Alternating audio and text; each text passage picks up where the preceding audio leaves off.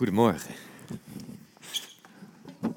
Mijn naam is uh, Matthijs de Man en uh, mag een van de leiders zijn hier van de Stadskerk. En we zitten van, midden in een prekenserie die gaat over ontmoetingen met Jezus. En uh, dat doen we aan de hand van een boek. Dus in, door de week bespreken we dat boek weer. En het gaat vandaag over Jezus die mensen ontmoet in moeilijke tijden. Dat is best wel een serieus onderwerp vanochtend. Uh, ik woon hier samen met uh, mijn vrouw en kinderen in Eindhoven. Ik heb er al eerder over gesproken, maar in mijn studententijd woonde ik in Enschede. En ik had daar een dispuut. Dispuut de zware jongens. mannen die zichzelf heel stoer vonden. En we kwamen elke dinsdag en donderdag bij elkaar. Dus dinsdag en donderdag kwamen we samen. En dan gingen we donderdag gingen we uit. En we hebben ook een tijd gehad dat we woensdag nog een zaalvoetbalclub hadden. Dus dan gingen we woensdag zaalvoetballen. Dus dinsdag, woensdag en donderdag zag ik dezelfde groep. We waren eerst uh, met zes mannen, er kwam later nog een, een, studentenhuis bij. Dus met een groepje van tien. Voor, voor jarenlang zag ik die gasten drie keer in de week. En nog steeds één keer per jaar, dan komen we met z'n allen bij elkaar. Dan hebben we een nieuwjaarsborrel en dan zien we, zien we elkaar weer. En dan... we een beetje de verhalen op van vroeger en dan vragen we een beetje hoe het nu gaat. Een mooie, hechte groep.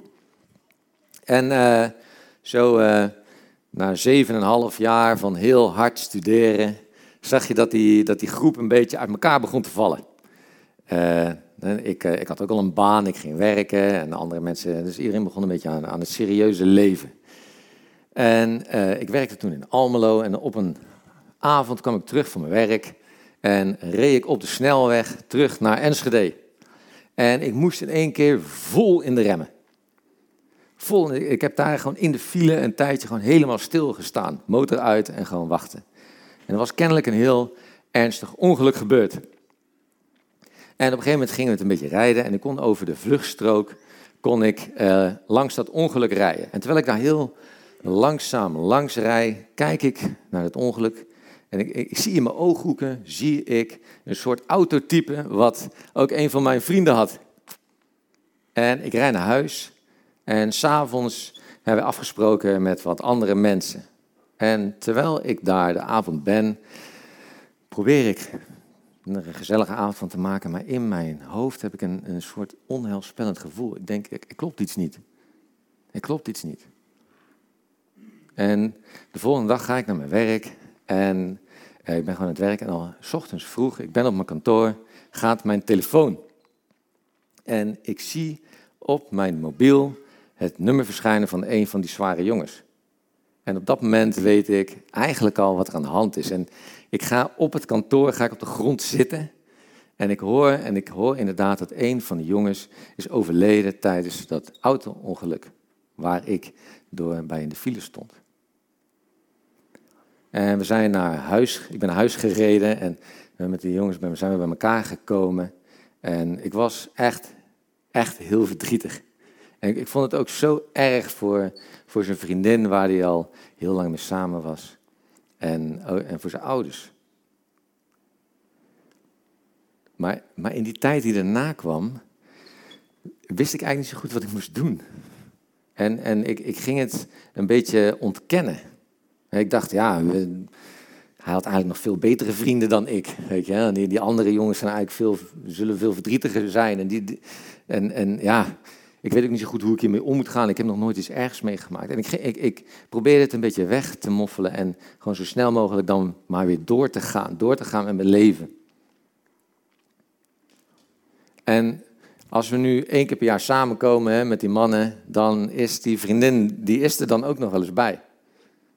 En elke keer als ik haar zie, dan, dan, dan schaam ik me eigenlijk voor wat ik toen allemaal niet gedaan heb. Dat ik, dat ik het toen een beetje heb weggemoffeld. En als je dan ziet dat die andere gasten zijn allemaal, hè, die hebben werk, een baan, kinderen. En, en, en zij worstelt eigenlijk nog steeds met dat verlies. Dan, dan, dan maakt het me dat elke keer weer bewust van wat ik toen niet gedaan heb. Weet je, hoe, hoe gaan we nou om met verdriet? Hoe, gaan, hoe deed Jezus dat? Hoe gaan we om met verlies? Toen, toen mijn opa uh, overleed, toen zat, zat, ik met al mijn neven in een soort grote kring. En we zaten een beetje stil ook voor ons uit te kijken. En uh, uh, toen kwam mijn oom erbij zitten. En mijn, mijn, familie gelooft verder helemaal niet. En mijn oom kwam erbij zitten en hij zei: Jongens, opa is nu op een betere plek. Hij is op een betere plek en hij wil dat jullie, dat jullie doorgaan. En zullen we met z'n allen opstaan en aan de bar wat gaan drinken? En hij bedoelde dat heel lief. En het was ook heel goed eigenlijk. Dus we, gingen, we stonden op en we gingen wat drinken met z'n allen. Maar ik dacht in mijn hoofd, ja, hoezo opa is op een betere plek? Waar is die dan? En hoe kom je daar dan? En, en moeten we doorgaan? Waar moeten we mee doorgaan? Ik kreeg eigenlijk alleen maar meer vragen. Hoe gaan we om met verdriet? Dat is vandaag het thema. Want Jezus ontmoet ook mensen die verdriet hebben. En daar hopen we deze ochtend van te leren. En dat doen we natuurlijk aan de hand van de Bijbel. In Johannes 11 staat een heel mooi verhaal daarover. Dat Jezus mensen ontmoet die verdrietig zijn. Het gaat namelijk over Maria, Martha en Lazarus. Is een gezin. Maria, Martha en Lazarus. En dat, hè, Maria en Martha zijn de zussen. En die komen eigenlijk al eerder voor ook in de Bijbel. Een heel bekend verhaal. Misschien mensen die wat meer in de Bijbel lezen, die kennen dat verhaal. En Maria en Martha, Jezus is daar, die is ook bevriend met dit gezin. En hij is op visite. En Maria, die hangt aan zijn lippen. Die zit letterlijk voor zijn voeten. En alles wat Jezus zegt, dat slokt ze op. Ze wil continu bij hem zijn. En Martha, die andere zus, die is continu aan het zorgen. die, die zorgt voor het drinken, die zorgt dat alles netjes en geregeld is. En die, op een gegeven moment begint hij zich te irriteren aan, aan haar zus. Aan die Maria, die daar lekker de hele tijd bij Jezus ligt en te luisteren. En dan zegt ze, Jezus, zeg er nou eens iets van tegen mijn zus, dat ze eens even meehelpt. En Jezus zegt dan ja, Martha heeft, of Maria heeft het beste deel gekozen. En zij, ik ben in maar kort en als ik het dan ben, luister dan naar mij. En, en, en Martha wordt een beetje terecht gewezen. En als je naar al hele oude schilderijen kijkt over dat verhaal, dan, dan zie je dat Martha wordt altijd een beetje afgeschilderd als die, als die vrouw die het niet helemaal door had. Hè? Het, het dommetje wat, wat onterecht een beetje geïrriteerd was. Dus allerlei platen. Ja, moet je op internet kijken, zie je. Dan wordt Martha een beetje weggezet als het dommertje. Dus twee hele verschillende zussen. En hun broer Lazarus is heel erg ziek. En ze wonen trouwens in Betanië. En Betanië is een heel klein dorpje aan de andere kant van de Olijfberg, dicht bij Jeruzalem. Als je nu nog in Jeruzalem bent, je kan, dus een, een mooie wandeling, kan je zo die Olijfberg op. En als je daar bent, dan kijk je uit over die stad Jeruzalem. Dat is goed aan te lopen. En uh, Betanië lag dus een beetje aan de andere kant. Dus daar woont dat gezin en Lazarus is hartstikke ziek. Twee zussen, Martha en Maria. Martha is een beetje de aanpakste. En Maria is een diepgelovige vrouw die het liefst bij Jezus is. En dan, Jezus hoort daarvan dat Lazarus heel erg ziek is. En hij gaat er niet naartoe. Hij wacht nog. En dan staat er het volgende. Toen Jezus aankwam, hoorde hij dat Lazarus al vier dagen in het graf lag. En toen Martha hoorde dat Jezus er aankwam, ging ze naar hem toe. Maar Maria, die bleef mooi thuis zitten. En Martha zei tegen Jezus, Heer, als u hier was geweest, dan zou mijn broer niet gestorven zijn. Als u hier niet was geweest, zou mijn broer niet gestorven zijn. En later in het verhaal lezen we dat die andere zus Maria exact dezelfde opmerking maakt. Twee keer dezelfde zin in de Bijbel, maar twee keer met een totaal verschillende reactie van Jezus. Een totaal verschillende ontmoeting tussen twee mensen die verdriet hebben. En daar gaat het eigenlijk om deze ochtend, om die twee verschillende ontmoetingen. En de eerste is dus met Martha, die vrouw die het verkeerde koos. Ze loopt dus naar Jezus af en dan weer de zin, Heer, als u hier was geweest, zou mijn broer niet gestorven zijn. Maar ik weet zeker dat God u ook nu alles zal geven wat u van hem vraagt. En Jezus antwoordt dan, hij zegt tegen haar, je broer zal opstaan uit de dood. En Martha antwoordt, ja, ik weet dat hij zal opstaan uit de dood. En op de laatste dag, als alle doden weer opstaan. En Jezus zei tegen haar, ik ben. Ik ben de opstanding en het leven. En iedereen die in mij gelooft zal leven, zelfs als hij gestorven is. En ieder die leeft en in mij gelooft, zal nooit meer sterven. Geloof je dat? Ze zei tegen hem, ja heer, ik geloof dat u de Messias bent, de Zoon van God, die op aarde zou komen. En Martha is heel verdrietig. Ze heeft haar broer verloren. En, en ze raakt dan, ze heeft een ontmoeting met Jezus. En als je dit dan zo leest, ziet staan, dan, dan lijkt Jezus helemaal niet op dat verdriet in te gaan. Hij, hij gaat eigenlijk dwars tegen haar emoties in en geeft haar hoop. Hij geeft haar een, een hemels perspectief. Hè? En, en, hij laat haar boven de situatie uitstijgen. En soms hebben we dat nodig, hè? als we ergens mee worstelen, als het tegen zit, dat God ons hoop geeft. En, en, en een breder perspectief. Dat is een beetje wat de reactie die Jezus heeft. Hoop geven.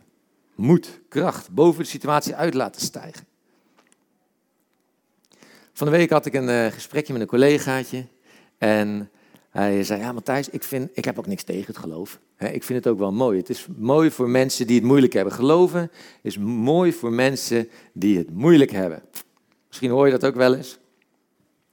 En daar heeft hij helemaal gelijk in, dat klopt ook. Geloof, geloof is ook hartstikke mooi voor mensen die het moeilijk hebben. Want je krijgt er hoop van.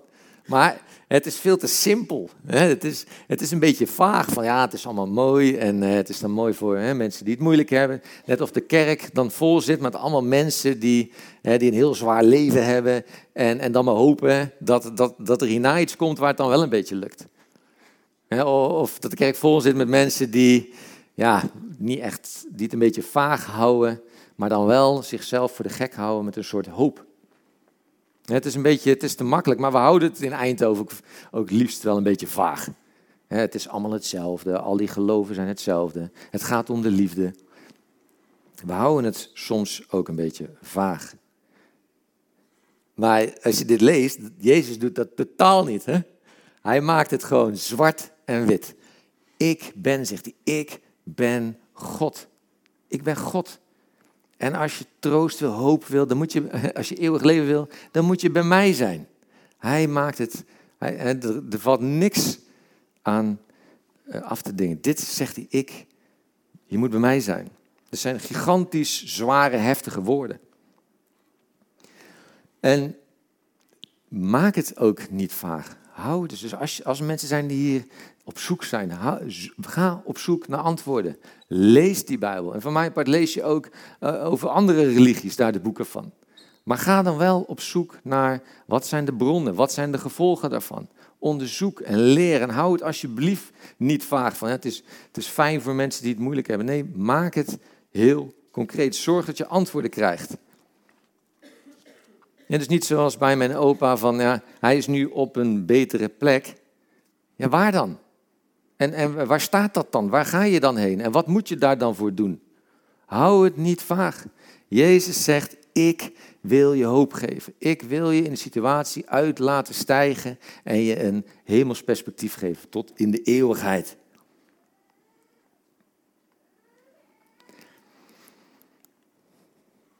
Even terug naar Martha. Martha is hartstikke verdrietig. Ze heeft haar broer verloren. En ze kent iemand waarvan ze weet dat hij hartstikke veel wonderen doet. En, en die komt gewoon veel te laat aanzetten. En dan heeft ze eindelijk dat gesprek met hem. En zegt ze: Ja, als jij hier nou geweest was, dan had mijn broer nog geleefd. En logisch eigenlijk, die emotie. En, en wat doet Jezus? Die gaat er gewoon, die gaat er dwars doorheen. Hij reageert er niet eens op. Hij zegt: Ik ben de opstanding. Je moet bij mij zijn. Ik ben God. En ik kan me voorstellen dat Martha denkt, ja, als je dan zo goddelijk was, was, was even een paar dagen eerder gekomen. En, en misschien nog meer verwijten en verdriet. Maar wat zie je, wat lees je? Martha voelt zich gesterkt, ze, ze heeft eh, eh, vrede. En, en na, het, na het gesprek met Jezus loopt ze ook weg.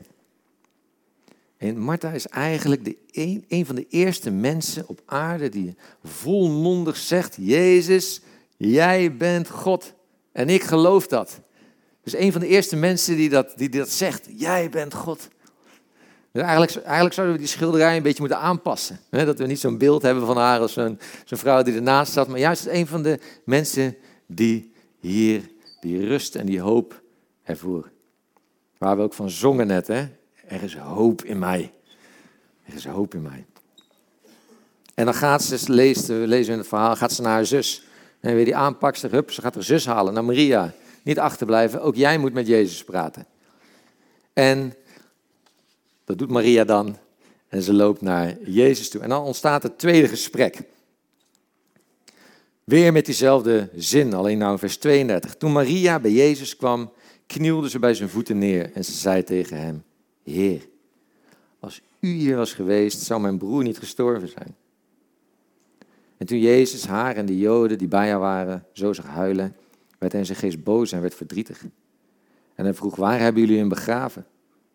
En ze zei tegen hem, Heer, kom je maar kijken. En Jezus huilde. Jezus huilde. Dat is het kortste zinnetje in de Bijbel, maar zo ontzettend zwaar eigenlijk. Jezus huilde.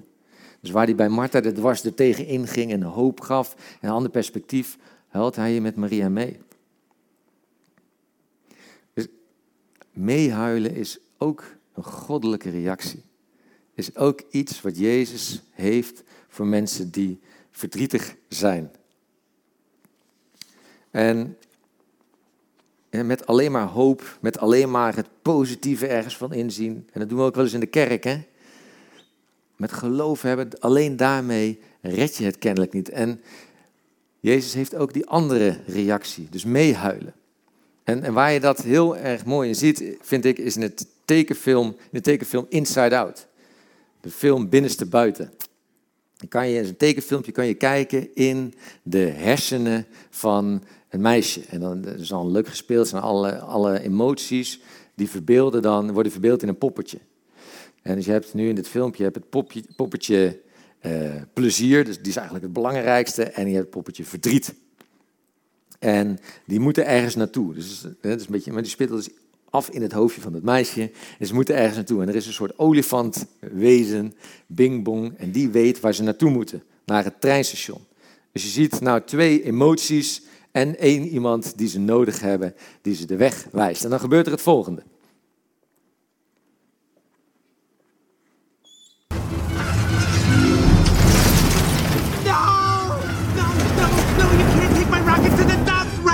And I go to the moon!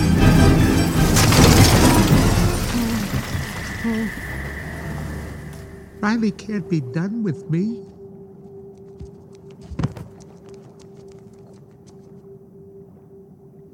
Hey, it's gonna be okay. We can fix this. We just need to get back to headquarters. Which way to the train station? I had a whole trip planned for us. Hey, who's ticklish, huh? Here comes the tickle monster. Hey, Bing Bong, look at this. Oh, here's a fun game. You point to the train station and we all go there. Won't that be fun? Come on, let's go to the train station. I'm sorry they took your rocket. They took something that you loved. It's gone. Forever. Sadness. Don't make him feel worse. Sorry. It's all I had left of Riley. I bet you and Riley had great adventures. Oh, they were wonderful. Once we flew back in time, we had breakfast twice that day. Sadness. It sounds amazing. I bet Riley liked it. Oh, she did. We were best friends. Yeah, it's sad. I'm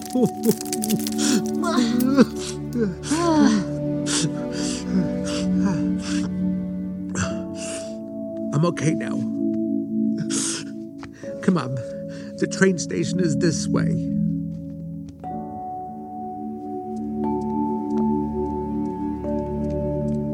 How did you do that? I, I don't know. I, he was sad, so I listened to what. Hey! There's the train!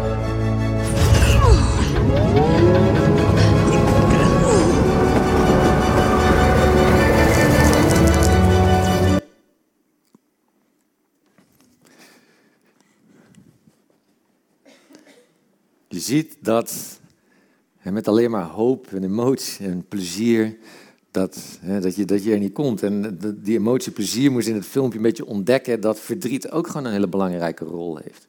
Dat je met verdriet ook verder komt. En, en verdriet komt er eigenlijk achter dat, dat, dat het ook heel veel te bieden heeft.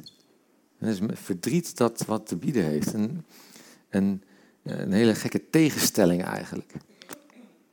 Dat je, Nederland staat in de top 10 van, van gelukkigste landen in de wereld. We zijn hartstikke goed bezig hier in Nederland. In de top 10 van gelukkigste landen. En tegelijkertijd staan we ook top, in de top 3 van de meest depressieve landen. We staan derde als het gaat om depressiviteit in de wereld. En, en, dat, komt, en dat is vooral een beetje in mijn generatie.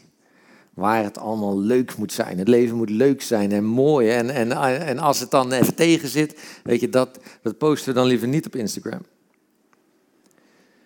En, en als we dan iets meemaken, iets heftigs, dan is het een beetje wat ik met die vriend van mij had. Dat, dat, dat ik eigenlijk gewoon wegkeek en gewoon wilde doorgaan met, met het leven. Maar, maar Jezus doet dat dus niet. En Jezus huilt mee, Jezus huilde. En een, een bekende Vlaamse psychiater en hoogleraar, die, hè, dat is Dirk de Wachter, die zegt dat het zelfs een ziekte is, nou in onze maatschappij. Een ziekte dat we niet meer meehuilen. Een ziekte dat het allemaal maar leuk moet zijn. En op, in NPO uh, gaf hij een soort lezing en daarin zei hij ook het volgende.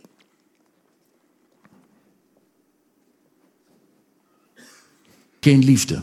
De liefde verschijnt, denk ik, en dat is een rare gedachte, de liefde verschijnt op momenten dat het wat moeilijk is. Op momenten dat het wat moeilijk is, heeft het menselijk dier nood aan een ander dan hebben we nood aan een zekere hechting, aan de blik van de ander, aan een zekere streling, aan nabijheid, aan het samen zijn. En dat komt vooral op moeilijke momenten. Dat is heel raar om te zeggen, daar moet mijn psychiater voor zijn. Maar dus, ik voel mij niet zo goed, ik voel mij lastig. Er is een moeilijkheid op mijn werk, mijn baas doet weer raar. Dat zal toch hier ook zo zijn soms. Nee? Een baas die raar doet. En dan kom ik thuis en zeg ik van het gaat mij niet. En dan een geliefde hebben. Of iemand, een goede vriend, die zegt van vertel het eens, kom hier eens, wat is er aan de hand? Dan, dat gaat, dat, dan overstijgt de ongelukkigheid zich en het, het gaat zich paradoxaal veranderen in liefdevolheid, in verbondenheid. Dus dat is helemaal het rare, het is echt helemaal het rare hoe de liefdevolheid eigenlijk ontstaat in het menselijk tekort. Hoe het verdriet eigenlijk aanleiding geeft tot het verdriet dat we eigenlijk niet zo willen, dat we niet, dat niet zo leuk vinden, dat we niet zo goed vinden, dat we in onze maatschappij eigenlijk wegduwen, hoe dat ontstaat en aanleiding geeft tot de liefde. Dat is een heel rare redenering. En wat is nu het probleem van onze maatschappij? Dat is dat dat verdriet eigenlijk weggemoffeld wordt. Dat wij doen dat alles altijd fantastisch is. Dat onze kwetsbaarheid en onze lastigheid en ons tekort en onze moeilijkheid wordt weggeduwd in de duisternis.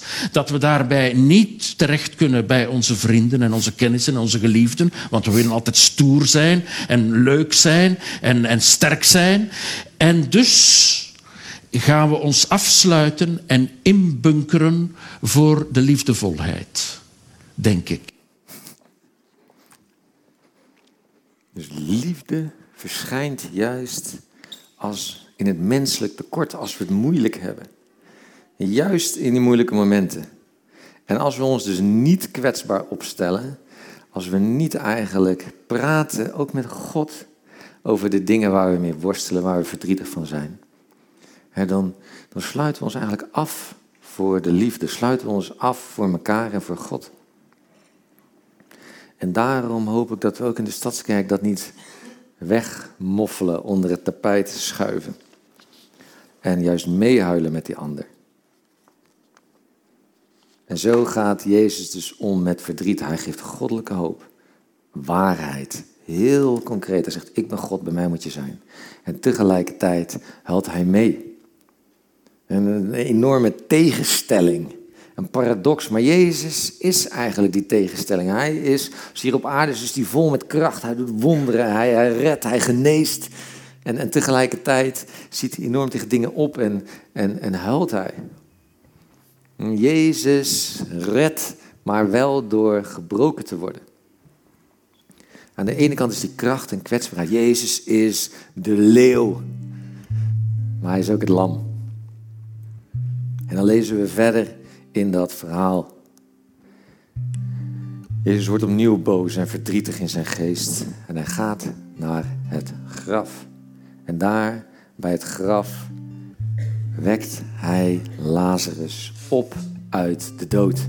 Hij wekt Lazarus op uit de dood. Een gigantisch wonder. En alle mensen staan erbij en zeggen: niet doen, want het stinkt enorm in dat graf na vier dagen.